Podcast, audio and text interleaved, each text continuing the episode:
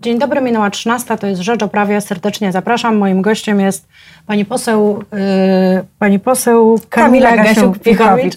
Trudne dwuczłonowe nazwisko. Nie, do, do, dobrze mi znajome. Pani poseł, taki dzień, nie mogę nie zapytać. Tak. O aferę związaną z trollowaniem sędziów przez urzędników i sędziów zatrudnionych w Ministerstwie Sprawiedliwości. Jak pani usłyszała y, pierwszego dnia, bo wiadomo, że kolejne, przez kolejne dni mieliśmy kolejne odsłony, ale, ale jak pani usłyszała pierwszego dnia, to wydawało się pani, że to może być prawda? Znaczy to jest, powiem szczerze, jakaś niesamowita um, afera związana, uh, afera właściwie ziobrystów, zorganizowana w ministerstwie kierowanym przez pana ministra Ziobrę, e, takiego or, zorganizowanej grupy do oszczerstw, do niszczenia e, niezależnych sędziów. I to jest rzecz absolutnie e, niesamowita, która mówi o tym, że e, państwo PiS to jest takie państwo upadku tak naprawdę. E, I powiem pani wprost, e, pewnie w jakichś zachodnioeuropejskich krajach chwilę po tym, jakby e, w mediach pojawiła się informacja o tym, że minister jest zamieszany w aferę niszczenia, szkalowania niezależnych sędziów, taki minister podałby się do dymisji. Pewnie na wschodzie no, taki, ale mówimy o ministrze, który odpowiada za ministerstwo, w którym to zostało zorganizowane. Na wschodzie pewnie zostałby zdymisjonowany. A w Polsce jestem przekonana o tym, że pan minister Ziobro będzie chroniony przez swoich kolegów do upadłego e, i nic mu się nie stanie. Oczywiście możemy zadawać pytanie, dlaczego się tak dzieje i co się kryje, jakie haki znajdują się w szafie Ziobry, że jest właściwie nieusuwalny z tego stanowiska. A nie wierzy pani w to, że on nie wiedział? Znaczy, pani redaktor, y, nie mam co do tego wątpliwości. W mojej opinii, z informacji, które są dostępne w mediach, wynika, że absolutnie nie ma takiej możliwości, żeby pan minister Ziobro nie wiedział o tym, co się dzieje w jego ministerstwie. Proszę zwrócić uwagę na to, że pan Piebiak był jego prawą ręką. Z informacji w mediach wynika bardzo jasno, że informował, że szef jest zadowolony. No kto jest jego szefem? E, sędziowie, którzy byli e, w tej grupie zorganizowanej do tworzenia oszczerstw w stosunku do niezależnych sędziów, przecież to byli sędziowie, którzy właśnie ministrowi Ziobrze e, zawdzięczali bardzo szybkie ścieżki awansu. Na przykład od sędziego sądu rejonowego po sędziego sądu najwyższego w ciągu 16 miesięcy. To byli sędziowie, którzy właśnie przez niego zostali wybrani do zespołu, który miał być e, zespołem e, odpowiadającym w Ministerstwie Ziobry za e, dyscyplinarki sędziów. Temu, te, ten zespół, który miał oczyszczać środowisko sędziowskie z sędziów, którzy nie spełniają kwalifikacji moralnych. A mamy w tym momencie do czynienia z sytuacją, w której wskazani przez ministra Ziobrę do tego zespołu ludzie okazali się ludźmi tworzącymi zespół do oszczerstw, niszczenia e, opozycyjnych sędziów. I to e, pokazuje, jakich ludzi wysłano chociażby do Izby Dyscyplinarnej w Sądzie Najwyższym jakich ludzi wysyłano na najważniejsze e, stanowiska w wymiarze sprawiedliwości, jakie osoby wysyłał pan minister Ziobro. I też powiem wprost, Część z tych osób straciła swoje stanowiska w, już w Ministerstwie Sprawiedliwości, ale teraz trzeba byłoby się przyjrzeć, e, doprowadzić do tego, żeby te osoby poniosły odpowiedzialność zawodową, dyscyplinarną, bo przecież... A nie, wierzy Pani, że poniosą? Nikt z nas sobie nie wyobraża takiej sytuacji. No na przykład pan minister Pibiak nie jest już wiceministrem, ale w dalszym ciągu może sądzić. I proszę sobie wyobrazić, że spotykamy takiego sędziego na sali rozpraw i on decyduje o tym, co jest sprawiedliwością w imieniu Rzeczpospolitej, co jest dobre, a co złe. Człowiek, który organizował grupę oszczerców mającą na celu zniszczyć niezależnych sędziów. To myśli pani, e... że powinien zostać e, odpowiedzialność dyscyplinarna z, złożone z urzędu? Odpowiedzialność dyscyplinarna, usunięcie ze wszystkich zawodów prawniczych to jest absolutnie konieczny drugi krok. Samo usunięcie z ministerstwa to jest pani redaktor tak jakby komuś dać klapsa za to, że ukradł e, setki milionów z budżetu państwa. To jest kpina z wymiaru sprawiedliwości. Więc po pierwsze usunięcie z ministerstwa to się stało. E, druga rzecz odpowiedzialność dyscyplinarna, zawodowa, usunięcie z zawodów prawniczych. Trzeci krok to jest przyjrzenie się prokuratury. Przecież mamy tutaj na pierwszy rzut oka szereg kwalifikacji prawnych, takich jak przekroczenie uprawnień przez funkcjonariusza publicznego, nękanie, ujawnianie danych osobowych, które nie powinny być ujawniane. Ale też nie mam wątpliwości, że w momencie, kiedy mamy w państwie PiS na czele prokuratury postawionego polityka, no to nie mamy możliwości, aby te osoby, które są winne e, takim zachowaniom, poniosły odpowiedzialność. W państwie PiS mamy taką sytuację, że to politycy wywierają nacisk na prokuratorów, podczas gdy w normalnych, demokratycznych państwach jest inaczej. To prokuratorzy patrzą na ręce polityków, to prokuratorzy patrzą, czy politycy działają zgodnie z prawem. Ale w państwie PiS, dopóki będzie stał na czele Ministerstwa Sprawiedliwości Prokuratury Generalnej pan Zbigniew Ziobro, myślę, że winni nie poniosą e, żadnej odpowiedzialności. Dlatego my złożyliśmy, złożymy e, ustawę o rozdziale funkcji ministra sprawiedliwości od prokuratora generalnego E, innej drogi do poniesienia odpowiedzialności przez osoby winne tworzenia tych oszczerstw, nękania niezależnych sędziów nie ma. E, co panią najbardziej, pani poseł, uderzyło w tej aferze? E, zostawmy już, że robili to urzędnicy, bo już to sobie wyjaśniliśmy, tak. sędziowie. Co panią najbardziej uderzyła? Znaczy, pani redaktor, mamy tutaj kilka jakby kwestii. Pierwszy, jeden z wątków to jest właśnie są te kwestie systemowe, a mianowicie, że w Ministerstwie Sprawiedliwości e, w, powstaje taka grupa ziobrystów, która ma na celu po prostu dyskredytowanie przy użyciu, e, no, wie pani, to są metody, które kiedyś były stosowane przez SB. Dzisiaj są stosowane przez policje e, polityczne w dyktaturach, a w Polsce PiS są stosowane w kierownictwie Ministerstwa Ziobry do niszczenia niezależnych sędziów.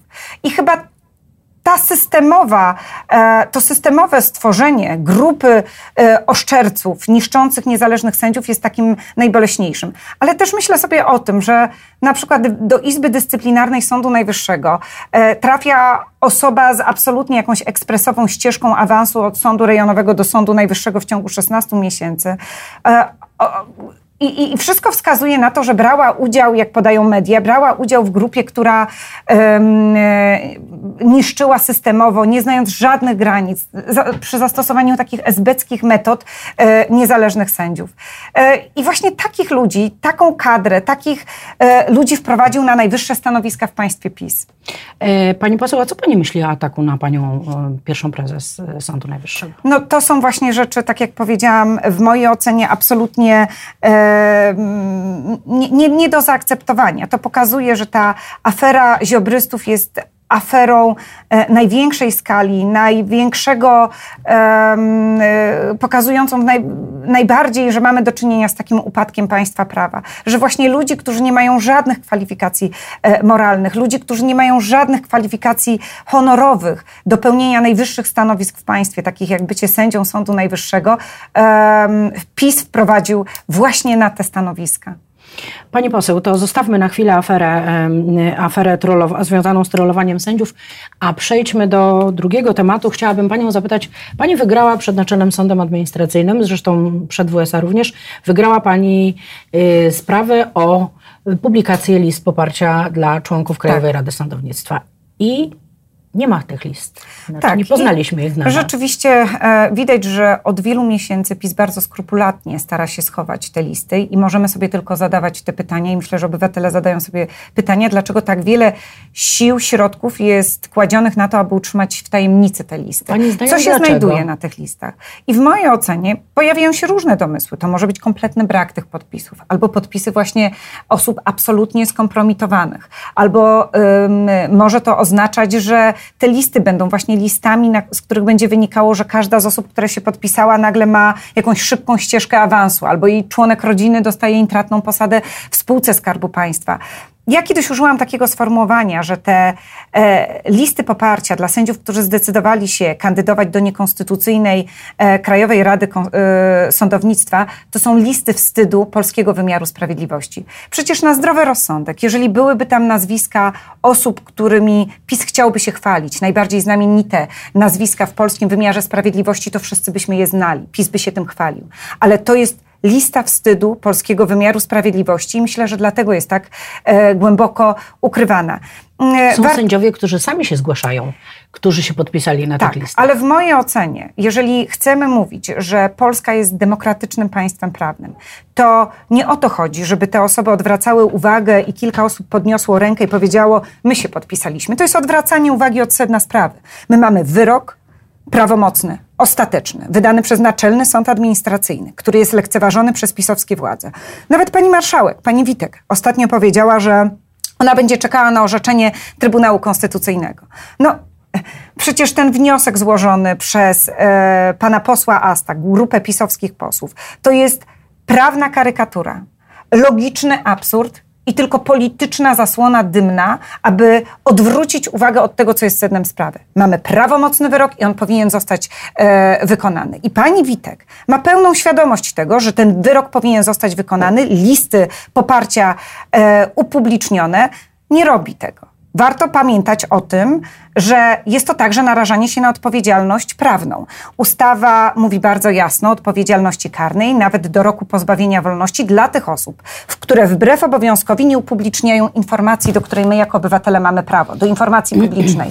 I oczywiście pewnie tą odpowiedzialność koniec końców poniosą urzędnicy Kancelarii Sejmu, za, którego, za którymi plecami pani marszałek Witek się e, chowa, ale rzeczywistość wygląda tak, że ten wyrok powinien zostać wykonany, a nie jest. A nie uspokaja panią to, że, że, że pani nowa, pani marszałek mówi, że zrobi to e, po wyroku Trybunału? Absolutnie nie. Tak jak powiedziałam, e, ten wniosek złożony do Trybunału Konstytucyjnego jest e, wnioskiem, który jest absurdem prawnym i jest tylko po to, aby stworzyć pewną polityczną podkładkę do tego, żeby wyroku nie wykonać. Ale rzeczywistość prawna jest bardzo prosta. Mamy wyrok prawomocny, ostateczny, wydany w imieniu Rzeczpospolitej i powinien zostać wykonany, a pani marszałek tego nie robi.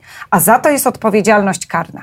I tak wygląda rzeczywistość. A prezes Urzędu Ochrony Danych Osobowych miał rację kierując wniosek y, o zbadanie. Myślę, że pan e, tutaj jeszcze mamy do czynienia, znaczy to, to także był absolutny absurd prawny, e, taki wybieg, który miał stworzyć pewną zasłonę dymną, e, aby odwrócić uwagę. Zresztą myślę, że bardzo szybko nawet w szeregach PiSu zdano sobie sprawę, stąd truchcikiem nabiegła grupa PiSów z wnioskiem do upolitycznionego Trybunału Konstytucyjnego. Tu złożyliśmy nawet, złożyłam zawiadomienie do prokuratury o możliwości możliwości popełnienia e, przestępstwa przez prezesa e, Urzędu Ochrony Danych Osobowych, który przekroczył w mojej ocenie e, uprawnienia i możliwe, że doszło do popełnienia przestępstwa poprzez doprowadzanie do sytuacji, w której nie jest wykonywany wyrok Rzeczpospolitej. Pani redaktor, to też jest prosta sytuacja. No naprawdę, my mamy prawomocny, ostateczny wyrok, a z drugiej strony decyzję byłego radnego PiS wciśniętego na stanowisko prezesa Urzędu Ochrony Danych Osobowych. No co jest ważne? Ważniejsze? Wyrok wydany w imieniu Rzeczpospolitej, czy decyzja wydana w imieniu Jarosława Kaczyńskiego? A być może poznamy te listy po wyborach. Tu zobaczymy, kiedy je poznamy. Ja myślę, że ten nakład sił i środków ze strony PiSu wskazuje na to, że PiS będzie do końca walczył o to, żeby tych list nie poznać. I tak jak powiedziałam, możemy tylko domniemywać, dlaczego tak jest ale my jako obywatele mamy prawo e, dostępu do informacji e, publicznej, gwarantuje nam e, to prawo konstytucja. Jeżeli jakaś informacja jest wytworzona z pieniędzy podatników, to my jako obywatele mamy prawo wiedzieć, jak, jaka jest treść tej informacji.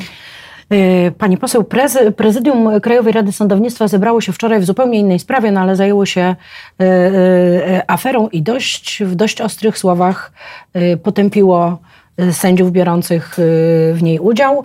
Nawet napisali, mm, y, członkowie KRS-u napisali o y, uchybieniu godności urzędu. Myśli Pani, spodziewała się Pani tego ostrej reakcji po obecnej znaczy, widzimy, że jest to jakby taki element narracji, która się pojawia, że to jest jakiś spór pomiędzy sędziami, jakieś osobiste porachunki. No, pani redaktor, wszyscy wiemy, że tak nie jest. Widzimy, że to było zorganizowane, systemowe e, działanie grupy ziobrystów, e, ludzi, którzy działali w Ministerstwie Sprawiedliwości, e, meldowano, że szef jest zadowolony. Ja nie mam wątpliwości co do tego, że my mamy do czynienia e, z bardzo jasną sytuacją, w której to ministerstwo, pan minister Ziobro ponosi odpowiedzialność za to, co się dzieje w jego ministerstwie. Jeżeli by tak nie było, to oznacza, że on nie panuje nad e, ministerstwem, e, które, którym przyszło mu kierować. To jest bardzo prosta sytuacja.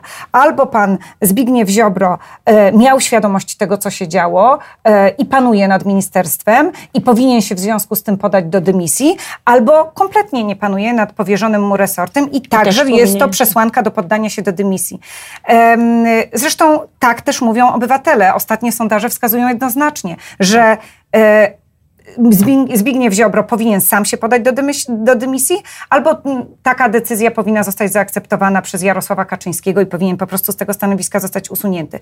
Tu ciekawym wątkiem odpowiedzialności jest także e, milczenie pana prezydenta Andrzeja Dudy. Proszę zwrócić uwagę, że część z tych osób, e, które m, mm, brały udział w tym zorganizowanym szkalowaniu niezależnych sędziów, e, była powoływana na stanowiska sędziowskie e, przez pana prezydenta Andrzeja Dudę. I teraz co? Albo mamy do czynienia z papierowym prezydentem, który podpisuje jak leci wszystkie papiero, papiery podsunięte mu przez e, upolitycznioną Krajową Radę Sądownictwa, albo mamy do czynienia z prezydentem, który akceptuje takie no, zachowanie jego protegowane. ze stanowiska sędziego. Ale wydaje mi się, że jeżeli ktoś nadużył jego zaufania i podłożył by mu takie papiery, to wypadałoby się jednak wypowiedzieć w tym temacie. Taki jest jego obowiązek. On podjął tą decyzję. On takiego sędziego powołał na stanowisko. I jeżeli w żaden sposób w tym momencie nie dystansuje się od tego, to w mojej ocenie wyraża zgodę na tego typu praktyki e, szkalowania, niszczenia, esbeckie metody tej e, zorganizowanej grupy mającej na celu niszczenie niezależnych sędziów. Pani poseł, od wielu y, dni słyszymy wypowiedzi prawników, którzy zastanawiają się nad tym, dlaczego tak, dlaczego do takiej sytuacji doszło. I coraz częściej pojawia się taka, pojawiają się takie wypowiedzi, że winien jest między innymi chory system delegacji sędziów do Ministerstwa Sprawiedliwości. Znaczy, oczywiście możemy szukać rozwiązań systemowych, jeżeli chodzi o możliwość y, pociągnięcia winnych do odpowiedzialności. Tu przedłożymy niedługo ustawę o rozdziale stanowiska ministra sprawiedliwości z y, funkcją prokuratora generalnego, ale z drugiej strony, no, pani redaktor, my tutaj mamy do czynienia ze zwykłym kryminałem. Naprawdę, no, mamy do czynienia z możliwością przekroczenia uprawnień przez funkcjonariusza publicznego, udostępnianiem danych osobowych wbrew ciążącym obowiązkom, zwykłym nękaniem uporczywym e, niezależnych sędziów. E, więc oczywiście mamy pewne rozwiązania systemowe i my tu przedkładamy rozwiązania, tak jak powiedziałam, ale z drugiej strony mamy też do czynienia z pewnym upadkiem pisowskiego państwa, które jest tutaj pokazane jak w soczewce. Pani poseł, co teraz? Co teraz? Co no teraz tak po jak, tej aferze? E, tak jak powiedziałam, w mojej ocenie my mamy przed sobą e, kilka kroków. Już zostali ci sędziowie, niektórzy, usunięci ze stanowisk e, ministerialnych. Kolejny krok to jest odpowiedzialność zawodowa, dyscyplinarna, usunięcie z zawodów prawniczych. Kolejny natomiast krok, w mojej ocenie, to jest przyjrzenie się bardzo uważne prokuratora tym sprawom i obawiam się, że mm, tutaj niestety, dopóki będziemy mieli polityka na czele prokuratury, e, do takiego sprawdzenia i pociągnięcia winnych do odpowiedzialności nie dojdzie. E, pierwszy lepszy z brzegu przykład. Proszę zwrócić uwagę na sprawę Birkfelnera. No, mamy tam głównego oskarżonego z partii rządzącej, właściwie nie oskarżonego, e, tu się wycofuję z tych słów, ale świadka nagranego na taśmach pana Jarosława Kaczyńskiego, który w dalszym ciągu nie został przesłuchany. I właściwie nic w tych sprawach pisowskich dwóch wież się nie dzieje. I y, to jest niestety główny problem. Czyli myśli Pani, że, że do wyborów nic? Y, z tą sprawą się znaczy, nie Ja oczekuję jak najszybszej dymisji e, pana Zbigniewa Ziobry. Tego oczekują ludzie, wszystkie okoliczności na to wskazują.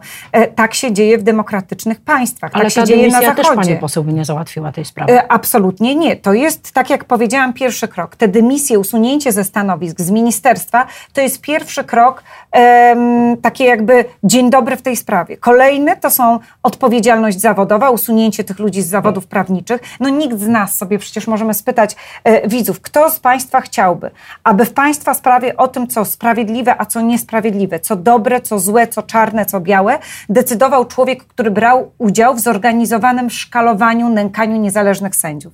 To jest sytuacja nie do zaakceptowania. To jest drugi krok. A trzecim krokiem jest absolutna odpowiedzialność na gruncie karnym, a tutaj tych przepisów, które mogły zostać naruszone, jest naprawdę bardzo wiele. I rozumiem Pani poseł, że pilnie będzie Pani pilnowała tego, co się w tych Zdecydowanie. To jest to, na co będziemy zwracali uwagę w sposób szczególny, ale przed nami także kampania wyborcza i bycie po prostu i rozmowy z obywatelami i mieszkań w, w całej Polsce.